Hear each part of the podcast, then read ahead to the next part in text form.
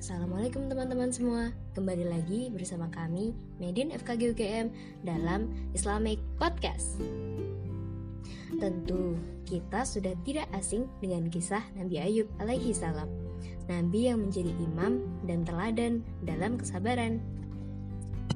Beliau adalah Ayub bin Mush bin Rozah bin Al-Ish bin Ishaq bin Ibrahim Al-Halil Nabi Ayub alaihi salam disebutkan dalam Quran surat An-Nisa ayat 163 yang artinya Sesungguhnya kami telah memberikan wahyu kepadamu sebagaimana kami telah memberikan wahyu kepada Nuh dan nabi-nabi yang kemudiannya. Dan kami telah memberikan wahyu pula kepada Ibrahim, Ismail, Ishak, Yakub dan anak cucunya, Isa, Ayub, Yunus, Harun, dan Sulaiman dan kami berikan Zabur kepada Daud. Nabi Ayub diberikan rezeki yang melimpah oleh Allah Subhanahu wa taala. Beliau memiliki harta yang banyak, keturunan yang baik, serta istri yang solehah. Meskipun Nabi Ayub alaihi salam memiliki harta yang melimpah ruah, tidak ada sedikit pun rasa sombong dalam hatinya. Beliau terkenal sebagai pribadi yang baik hati, bertakwa, dan menyayangi orang miskin. Nabi Ayub alaihi salam menggunakan hartanya untuk memberi makan orang miskin, menyantuni janda, anak yatim, kaum duafa, dan ibnu sabil. Nabi Ayub alaihi salam tidak merasa sombong atas apa yang ia miliki, karena sebenarnya harta adalah ujian hingga pada saatnya dikisahkan bahwa Nabi Ayub kehilangan semua hartanya. Anak-anaknya pun meninggal dunia, dan beliau diberi musibah penyakit berupa kusta. Begitu berat ujian yang Nabi Ayub dapatkan. Semakin kuat iman, semakin berat cobaan, namun semakin Allah cinta. Rasulullah Shallallahu Alaihi Wasallam bersabda, sesungguhnya balasan terbesar dari ujian yang berat. Jika Allah mencintai suatu kaum, maka Allah akan memberikan cobaan kepada mereka. Barang siapa ridho, maka Allah pun ridho. Dan barang siapa murka, tidak suka pada cobaan tersebut, maka baginya murka Allah.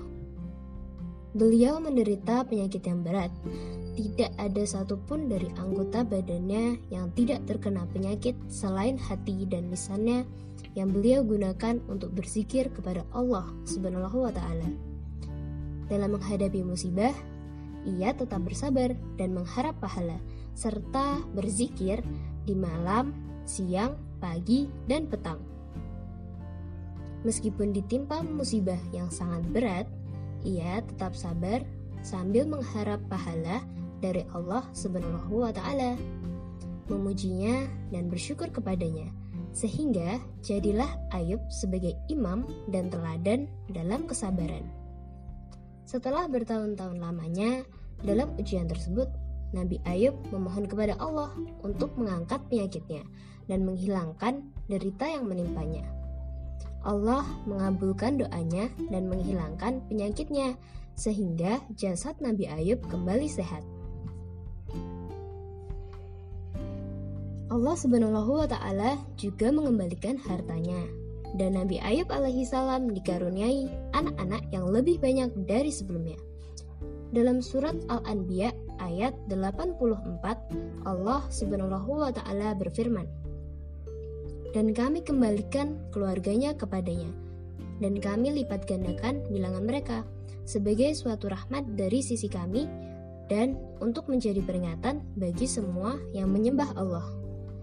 Dalam kisah ini, Nabi Ayub alaihi salam mengajarkan kita untuk menjadi pribadi yang dermawan saat memiliki rezeki dan bersabar saat belum memiliki rezeki. Sesungguhnya, kekayaan itu adalah titipan dan kita tidak boleh bersedih saat Allah mengambilnya kembali. Dalam masa sakit dan cobaannya, Nabi Ayub mengajarkan kita untuk senantiasa bersabar dan tetap bertawakal kepada Allah. Sakit dan ujian akan menghapus dosa, dan penyakit bukanlah halangan untuk tidak berzikir dan menjaga hati. Lepasnya musibah yang menimpa Nabi Ayub alaihi salam, adalah karena doanya yang tidak pernah terputus dan kesabarannya yang luar biasa. Teman-teman yang dicintai Allah, semoga setelah mendengar kisah tersebut, kita bisa menjadi orang yang lebih sabar dan lebih tegar dalam menghadapi cobaan. Seberat apa pun cobaan itu, kita pasti bisa melaluinya karena Allah tidak akan memberikan cobaan di luar batas kemampuan hambanya. Jadi, dibandingkan sambat saat tugas menumpuk, lebih baik kita sabar dan berdoa untuk diberi kelancaran dalam mengajar, mengerjakannya. Terima kasih teman-teman semuanya. Semoga podcast ini bermanfaat ya. Wassalamualaikum warahmatullahi wabarakatuh.